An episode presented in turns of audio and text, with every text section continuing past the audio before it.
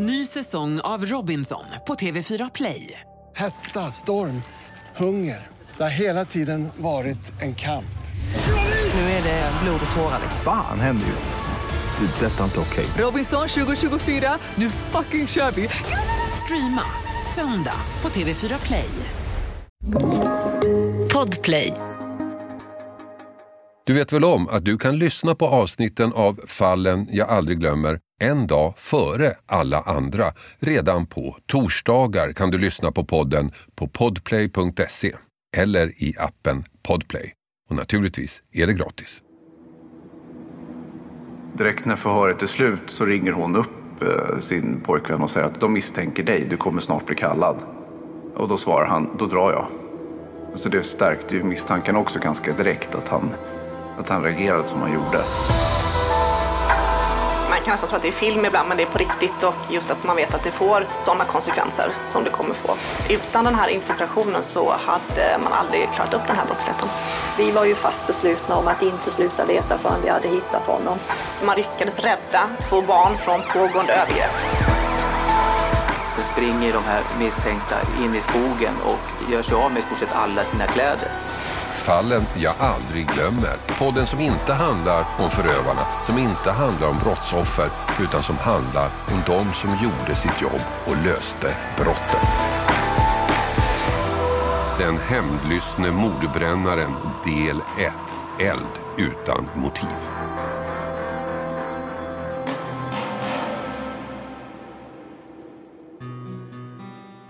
Så stod jag där igen. I en studio jag trodde jag lämnat för gott och leder ett program jag trodde jag var färdig med. Det är den 30 augusti 2018 och Efterlyst har nypremiär. Programmet är tillbaka. Jag är tillbaka. Fyra år tidigare hade jag accepterat ett erbjudande från TV4 och hoppat av Efterlyst. Men tiden på fyran blev inte som jag tänkt mig. Och våren 2018 blev mycket märklig för mig. Jag kände tydligt att tiden på fyran började löpa ut. Vad jag inte visste då var att TV4 denna vår hade förhandlingar med Leif GW Persson om att han skulle komma över till kanalen. Och vad de inte visste då var att jag samtidigt hade inlett förhandlingar med TV3 om att gå tillbaka och återskapa Efterlyst. De, Fyran och GV, blev klara först och gick ut med ett pressmeddelande. Och det var då det blev lite rörigt. Kvällstidningarna skrev att nu skulle Leif GW och Hasse Aro äntligen återförenas igen och min telefon ringde oavbrutet. Men jag svarade inte. Jag visste ju att det inte skulle bli något återseende, något nytt samarbete. Men avtalet med trean var inte riktigt klart och innan det kunde jag inte kommentera någonting. Efter en besynnerlig helg med avstängd telefon så kunde jag på måndagen äntligen berätta om mina nya planer och telefonen slutade ringa. Så efter sommaren satte vi igång nytt produktionsbolag, nya medarbetare, nya lokaler, men samma program. Mina nya kollegor var fantastiskt entusiastiska och deras glädje, deras spänning smittade av sig på mig. Det var härliga dagar att gå till jobbet på. Men innerst inne kunde jag känna nervositeten. Det hade ju gått några år sedan programmet senast sändes. Skulle det hålla fortfarande eller hade tittarna gått vidare? Och den 30 augusti stod jag alltså där igen i ett nytt koncept döpt till Krimtorsdag. Först efterlyst en timme, sen en krimdokumentär efter det. Och jag stod där med bultande hjärta och väntade på att vignetten skulle tonas ner och jag skulle säga mina första ord i studion i Efterlyst på fyra år. Jag vände mig upp mot kameran och läste manuset i prompten. Vi rapporterar inte bara om brott, vi löser dem. Och nu är vi tillbaka. Det här är Efterlyst. Det var lite nervöst förstås. Skulle tittarna finnas kvar? Eller hade de glömt oss och gått vidare? Men det gick bra. Våra tittare hade inte glömt oss. Tvärtom, mottagandet blev fantastiskt och vi kunde pusta ut. Nu var vi igång. Igen. Den struliga våren var äntligen över. Jag var hemma igen. Vi hade flera uppmärksammade fall i den sändningen. Gangsterskjutningar, våldtäkter och GPS-stölder i Malmö. Men ett fall stack ut. Ett fall var väldigt speciellt, skulle det visa sig. Strax innan halv sju på morgonen den 16 juli larmas räddningstjänsten till ett radhus på Ytterbyvägen i Rotebro i Sollentuna. I huset fanns Sakina som passade det åt familjen som egentligen bor där och som var bortresta på semester. En månad senare häktades en flygvärd i 25-årsåldern på sannolika skäl misstänkt för mord och grov mordbrand. Men polisen vill inte kommentera något eventuellt motiv till dådet som flygvärden misstänks för. Det här inträffade alltså på morgonen den 16 juli, morgonen efter VM-finalen i fotboll. Och om du har filmat eller fotat den här branden, kontakta polisen eller oss 08 702 0090. När vi tog upp det här fallet hade det gått sex veckor sedan branden i radhuset inträffade och en kvinna dog. En person satt också gripen misstänkt för dådet men fallet var långt ifrån klart. Ingen visste om mannen verkligen hade med händelsen att göra. Inga tekniska bevis pekade ut honom. Det var den 16 juli 2018, tidigt på morgonen en varm och solig sommardag som larmet kom till larmcentralen. SOS 112, vad inträffat? Hej, eh, det brinner hos våra grannar. I huset? Ja, Ja. direkt, direkt, direkt. Vad är det för något som brinner? Ja, ja, Jag måste gå ut och titta. Ja. Vad heter eh, orten där? Eh, Rotebro. Rotebro, då ska vi se. Rotebro, herregud. Ja. Vet du om det är någon person kvar där inne? Jag, jag vet inte. Nej, okej. Alltså det brinner i ett rum på nedervåningen. Det kommer Ja. rök ut. Ser du Men lågor bak- också? På baksidan, på baksidan knastrar det. Ja, ser du lågor? Nej, ja, herregud, ja det gör jag. Ja, slår de ut Ja, fönster och taket. Det går till. Nej, lågorna ut ur fönster och tak? Ja, taket. Ja, då ska vi se. De larmas ju ut här under tiden medan vi pratar.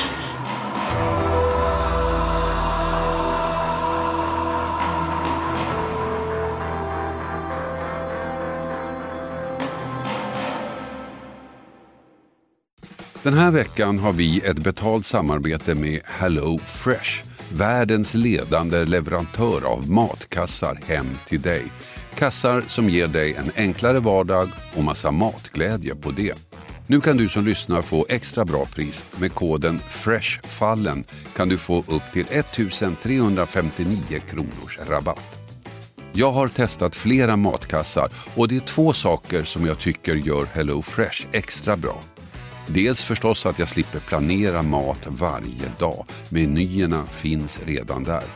Men också för att man får precis den mängd ingredienser man behöver. Det blir inte massa saker över i skafferiet. Inget matsvinn, inga bortslösade pengar. Och sen får man ju matglädje förstås, koll på budgeten och enklare vardag. Och också möjligheten att testa nya smaker med recept från hela världen. Allt är väldigt enkelt att laga, instruktionerna är glasklara. Så vill du få en enklare vardag, minska matsvinnet och testa nya spännande smaker. Gå in då på hellofresh.se och använd koden FRESHFALLEN. Den ger dig upp till 1359 kronors rabatt på dina fem första kassar. Plus fri frakt på första matkassen om du inte provat HelloFresh förut. Har du varit kund tidigare kan du också använda koden om du avslutat ditt abonnemang för 12 månader sedan eller längre. Tack HelloFresh. Den här veckan har vi ett betalt samarbete med Tre, ni vet teleoperatören. Den jag själv har faktiskt och är väldigt nöjd med. Men det är många som tror att Tre inte har särskilt hög täckningsgrad, vilket är fel. Och så är det ju faktiskt med mycket vi tror oss veta. Att det vi tror är sant kan vara falskt och det vi tror är falskt kan visa sig vara sant. Jag hade faktiskt ett telefonsamtal med en kompis för inte så länge sedan, via tre då förstås. Och vi snackade om myter. Och jag tycker mig ha koll på sånt, vad som är sant och vad som är falskt. Men det är inte alltid så lätt. Till exempel berättade min kompis, ni vet om myten att svalor flyger lägre när det ska bli dåligt väder. Falskt sa jag, men det visade sig vara helt sant. Och så det här att man, om man duschar varmt på sommaren så blir man svalare. Det trodde jag inte heller på, men det visade sig också vara sant. Så det blev lite en aha-upplevelse för mig. Men så pratar vi om vår gemensamma operatör. Ja, de har ju väldigt bra täckning, sa han. Och där visste jag att han har rätt. Han visste att tre har byggt ut och nu har väldigt stor täckning. Men det är inte alla som vet. Och ibland är det inte riktigt som man tror. Sanningen är att tre nu täcker otroliga 99,3 procent av Sveriges befolkning och det avser rösttäckning baserat på folkbokföringsadress. Så läs mer på 3.se om hur de bygger ut sitt nät och täckning. Tack 3. Ny säsong av Robinson på TV4 Play. Hetta, storm, hunger. Det har hela tiden varit en kamp. Nu är det blod och tårar. Fan händer just det. Det är detta inte okej. Robinson 2024, nu fucking kör vi! Streama söndag på TV4 Play. Poddtips från Podplay. I podden Något Kaiko garanterar östgötarna Brutti och jag, Davva, dig en stor dos skratt. Där följer jag pladask för köttätandet igen. Man är lite som en jävla vampyr. Man har fått lite blodsmak och då måste man ha mer. Udda spaningar, fängslande anekdoter och en och annan arg rant. Jag måste ha mitt kaffe på morgonen för annars är jag ingen trevlig människa. Då är du ingen trevlig människa, punkt. Något Kaiko, hör du på Podplay. Därför är Det är en radhuslänga på fyra hus. Ett av mittenhusen står i full brand. Hela huset är övertänt, lågorna slår högt upp över taket och syns flera kilometer bort. Två brandstationer är på plats och bekämpar elden. Och i huset hittas en kvinna i 60-årsåldern, en svårt skadad kvinna och hon förs till sjukhuset. På platsen finns också en man i en vit Audi. En man som tycks visa stort intresse för det som händer. Polisen på platsen pratar med honom. Han kan ju vara ett viktigt vittne. Och han berättar att han hade ett ärende till huset. Hans flickvän jobbar nämligen som personlig assistent där. Men när han kommer dit brinner det redan. Han går runt i baksidan och tittar in genom vardagsrumsfönstret. Där ser han hur det brinner i full låga och att ett större skåp har vält ner. Ändå ganska ointressant detalj, men en detalj som skulle visa sig viktig längre fram i utredningen. Mannen berättar också att han försökt ta sig in genom altandörren men den var låst och sen kom brandbilarna. Det är en sak som förbryllar polisen som mannen pratar med. Han säger att hans flickvän jobbar i huset men hon är ju inte där. Så varför kom han hit? Men där och då finns inte tid för fler frågor. Polisen antecknar mannens namn och låter honom gå. Lite konstigt alltihop alltså, men det ska bli ännu märkligare för på sjukhuset dit den skadade kvinnan förts dyker plötsligt en man upp. En man som säger sig vara släkt med henne och undrar hur hon mår. Polisen där på sjukhuset finner inget konstigt i det förrän det dyker upp fler personer. Personer som på riktigt är släkt med den skadade kvinnan. Situationen blir lite konstig eftersom de riktiga släktingarna inte har en aning om vem mannen är. Han hasplar ur sig någon ursäkt och säger att han måste ut och betala parkeringsavgiften för bilen som står utanför sjukhuset. Men innan han går så uppger han faktiskt sitt namn för polisen. Och det visar sig samma namn som utanför brandplatsen. Det är samma man på båda ställena, på brandplatsen och på sjukhuset. Mannen säger att han ska komma tillbaka när han betalt bilen, men det gör han inte. Istället hoppar han in i den och kör därifrån. Mycket märkligt. Och där, på sjukhuset, avlider den skadade kvinnan. Alla förstår att någonting är skumt. En utredning om mordbrand startar och ansvarig för utredningen blir Jakob van Roy som jobbar som gruppchef för gruppen grova brott i polisområdet Nord. De ringde mig under semestern och sa att de hade en, en mordbrand och troligtvis en som var väldigt intressant för utredningen och ville att jag skulle ta det när jag kom tillbaka så att jag var lite förberedd. Och det tyckte jag lät intressant. Just mordbrand är ju svåra att utreda. Dels för att de flesta bevisen brinner upp och försvinner. Så det är svårt att bevisa både att det har begåtts ett brott men även att vem det är som har gjort det. Då. Hur det ser ut i rättssalarna idag så blir nästan ingen dömd utan teknisk bevisning. Det har ju liksom skiftat lite där. När Jakob van Roy får fallet så finns det alltså en man som är intressant i utredningen men den stora frågan återstår hur startade branden? För att kunna gå vidare med misstankarna om mordbrand så måste man ju slå fast att branden verkligen var anlagd. För var den inte det, ja då faller ju alla teorier om att det var mordbrand. Men om det visar sig att någon faktiskt medvetet startat branden, då uppstår en mängd frågor. Varför? Var kvinnan som dog det tilltänkta offret? Var det självmord? Hade familjen som bodde i huset något med saken att göra? Vad hade den mystiska mannen för koppling till händelsen? Så det viktigaste av allt, till att börja med, var att få svaret på hur branden uppstått. Men den tekniska undersökningen skulle inte visa sig lätt. Så här berättar Jakob van Roy. Det man kunde först komma fram till var att det hade börjat i vardagsrummet. Det kunde de se på brandbilder och allt möjligt. Men det hade varit så kraftig brand så att golvet från övervåning hade rasat ner på vardagsrumsgolvet. Så att innan den tekniska utredningen egentligen kunde komma igång så var man tvungen att forsla bort hela övervåningen som hade ramlat ner då så att säga. Och sen så började den tekniska utredningen var ju liksom inriktad på att bevisa vad har branden startat på så att säga. Så att vi tog dit eh, eltekniker och, och det är också en del av den tekniska undersökningen för att kunna kan man inte bevisa att det har varit eh, anlagt så måste man ju kunna bevisa att, om man nu säger att det är det, så måste man kunna bevisa att det är inte elfel. Det är inte alltså en uteslutningsutredning också egentligen. Och det var så det blev i det här fallet.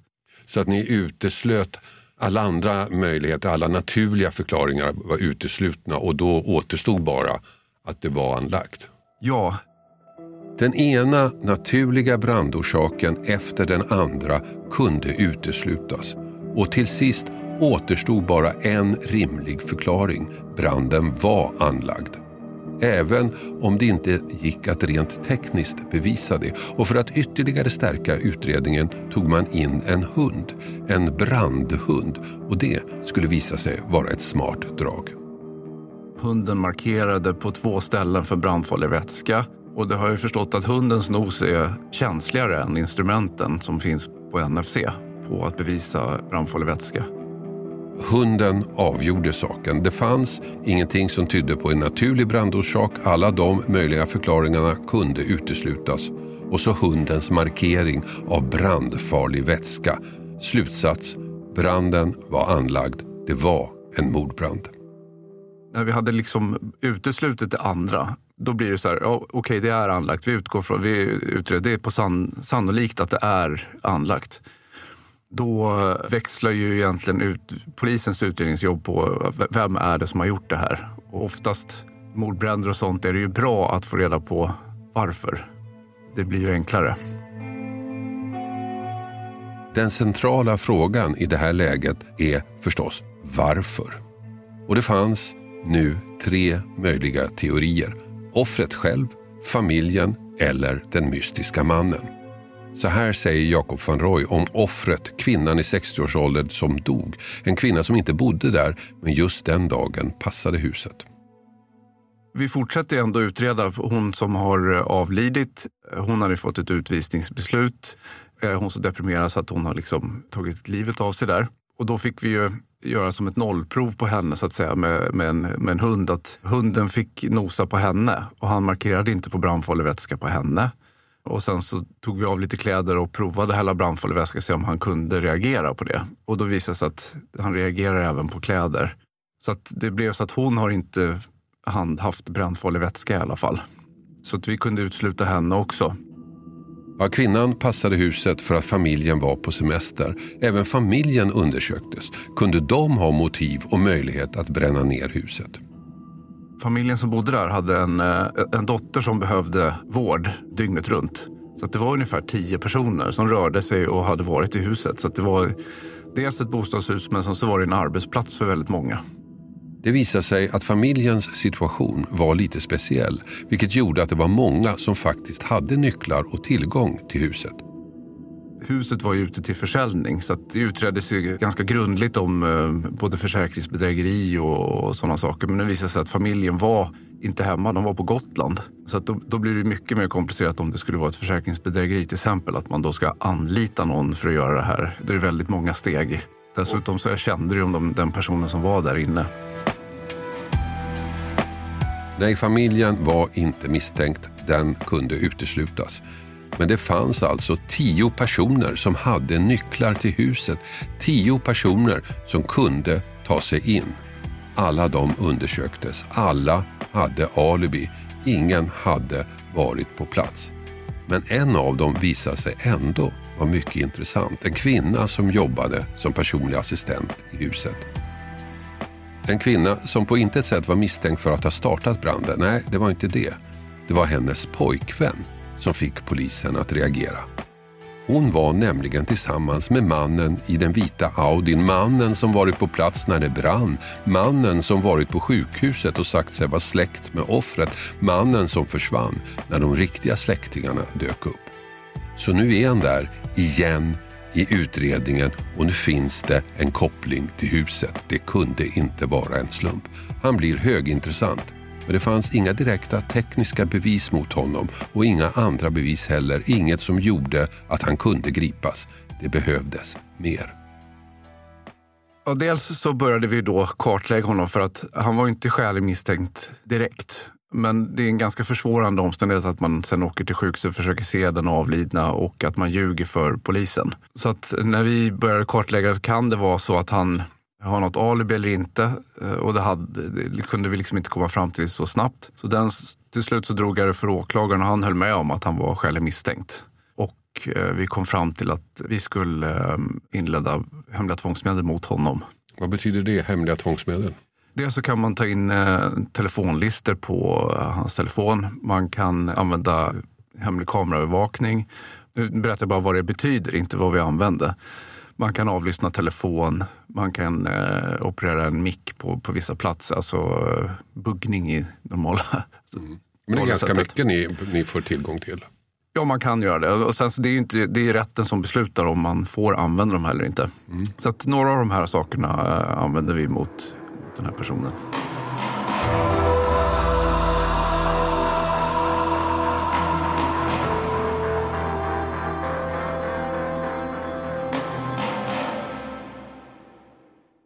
Ny säsong av Robinson på TV4 Play. Hetta, storm, hunger. Det har hela tiden varit en kamp. Nu är det blod och tårar. Fan händer just det. Det detta är inte okej. Okay. Robinson 2024, nu fucking kör vi. Streama söndag på TV4 Play. Ett poddtips från Podplay.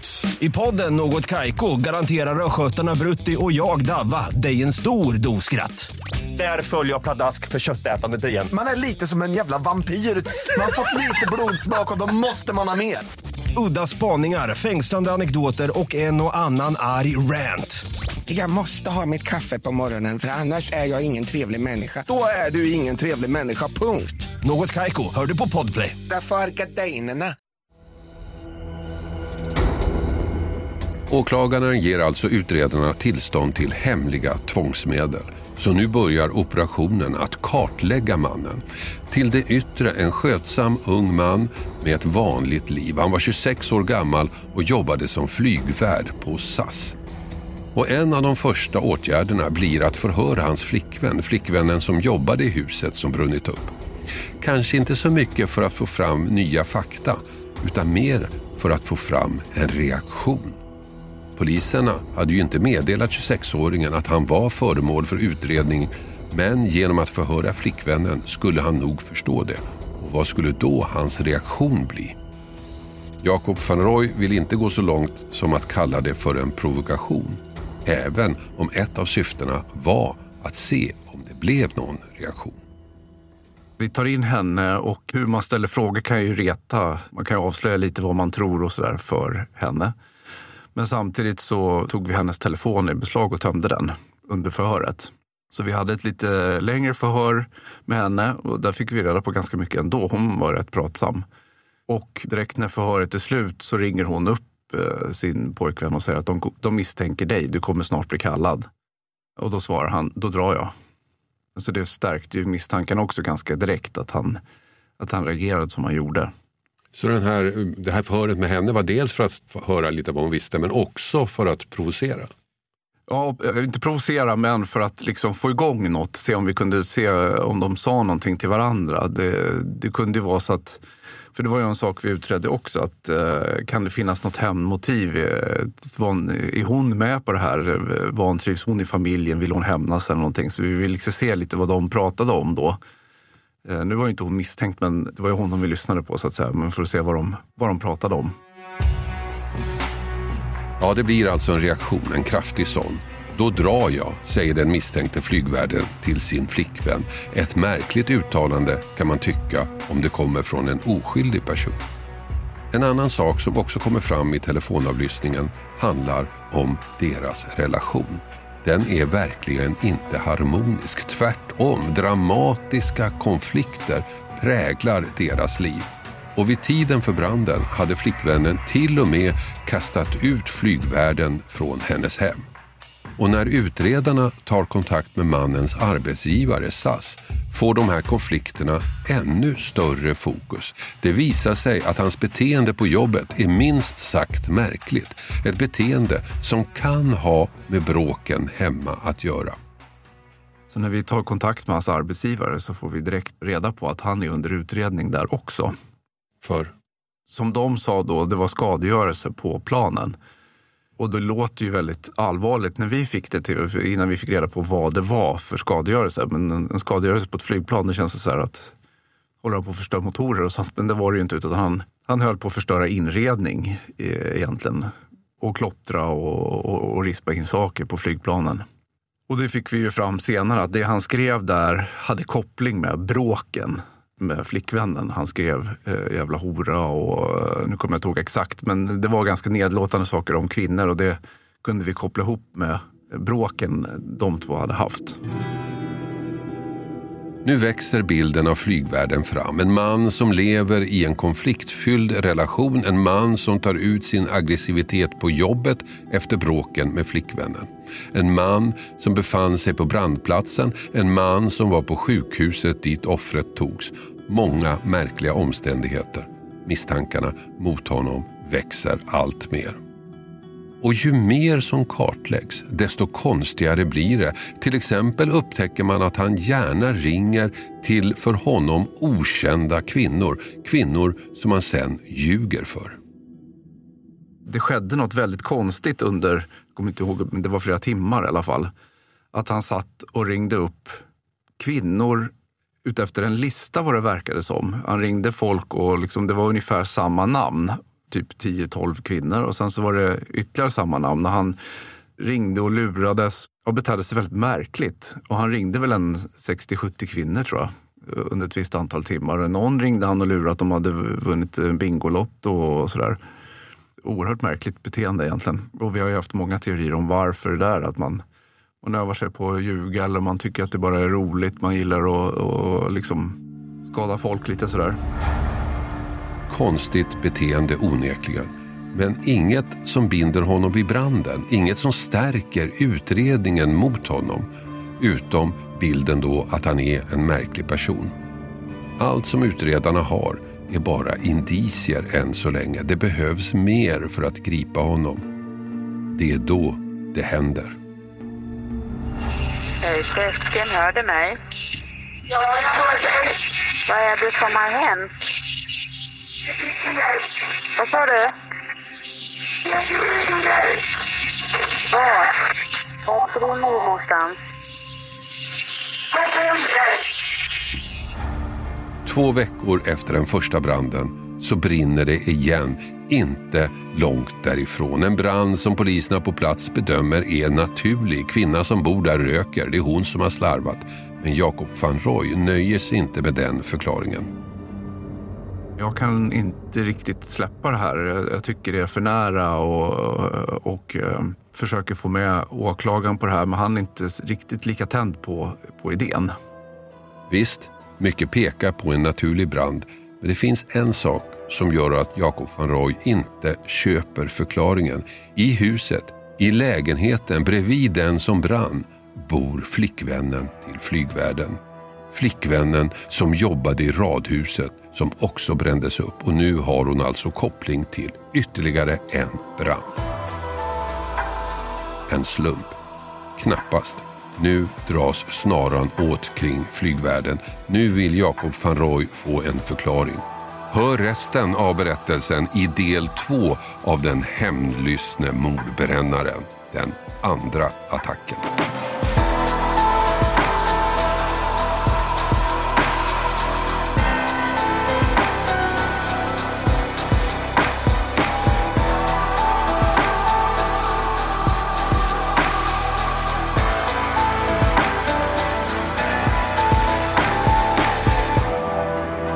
Du har hört podden Fallen jag aldrig glömmer. Klippning David Davva Persson. Och jag heter Hasse Aro. Du vet väl om att du kan lyssna på avsnitten av Fallen jag aldrig glömmer en dag före alla andra. Redan på torsdagar kan du lyssna på podden på podplay.se eller i appen Podplay. Och naturligtvis är det gratis. Podplay, en del av Ny säsong av Robinson på TV4 Play. Hetta, storm, hunger. Det har hela tiden varit en kamp. Nu är det blod och tårar. Fan händer just nu. Det. är Detta är inte okej. Robinson 2024, nu fucking kör vi! Streama söndag på TV4 Play.